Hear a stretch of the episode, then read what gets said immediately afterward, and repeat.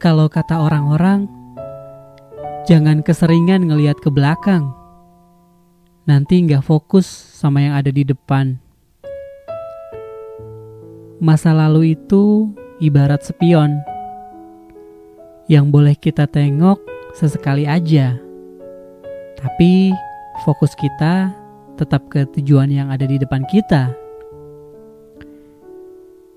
Jangan sampai keseringan lihat spion, eh malah nabrak. Jangan sampai juga nggak pernah ngelihat spion, eh taunya malah ditabrak. Tujuan spion itu satu, biar kita berhati-hati. Hati-hati menuju ke depan, dan hati-hati juga menatap ke belakang. Masa lalu itu adalah bagian dari diri seseorang yang gak bisa dipisahin, dilupain, atau dibuang.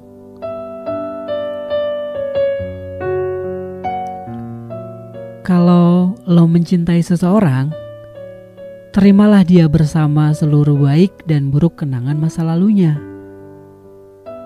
Dan kalau lo pengen dicintai seseorang, simpen masa lalu lo sebagai sesuatu yang pernah lo lewatin dengan tawa dan tangis, suka dan duka, harapan dan juga asa. Bukan malah mengganggu hidup lo saat ini.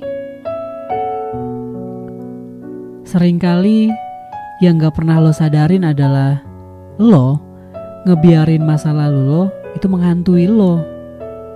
Sementara saat ini di samping lo ada seseorang yang dengan susah payah bikin lo bahagia. Apa itu adil buat dia?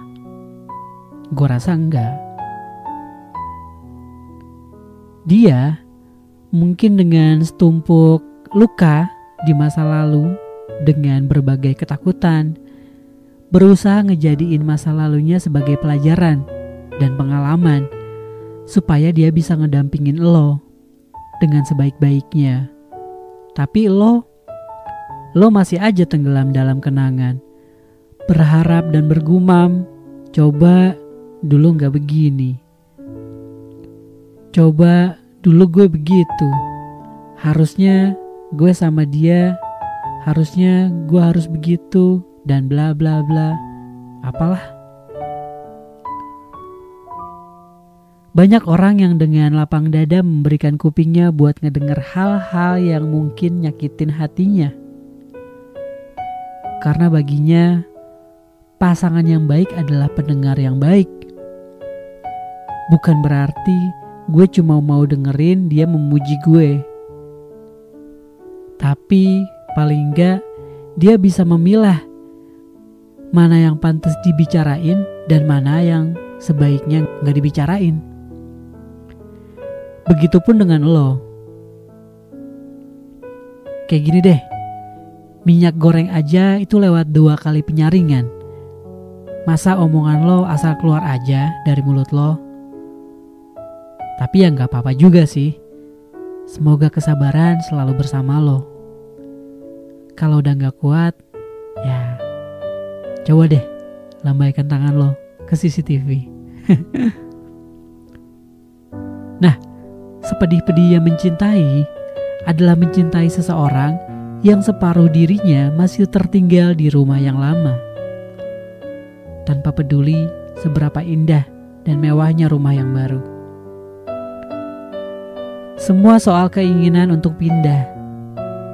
Keinginan untuk memulai membangun rumah yang baru. Ruangan demi ruangan. Keinginan untuk menjadikan tempat ternyaman untuk tinggal bukan soal memperbaiki rumah lama yang udah dimiliki orang lain. Sebaik-baiknya orang adalah mereka yang menghargai setiap detik waktu yang berlalu, setiap orang yang datang, dan setiap momen yang terjadi di hidup mereka. Sebab lo gak akan pernah tahu kapan mereka akan pergi. Dan ketika lo sadar, mungkin yang lo punya cuma kata penyesalan apa yang kini ada di hidup lo sesungguhnya jauh lebih berharga dibanding apa yang dulu lo lewatin dan menyisakan luka. Cobalah memahami bahwa sekalipun lo terluka, bukan berarti lo mempunyai hak buat melukai orang lain juga.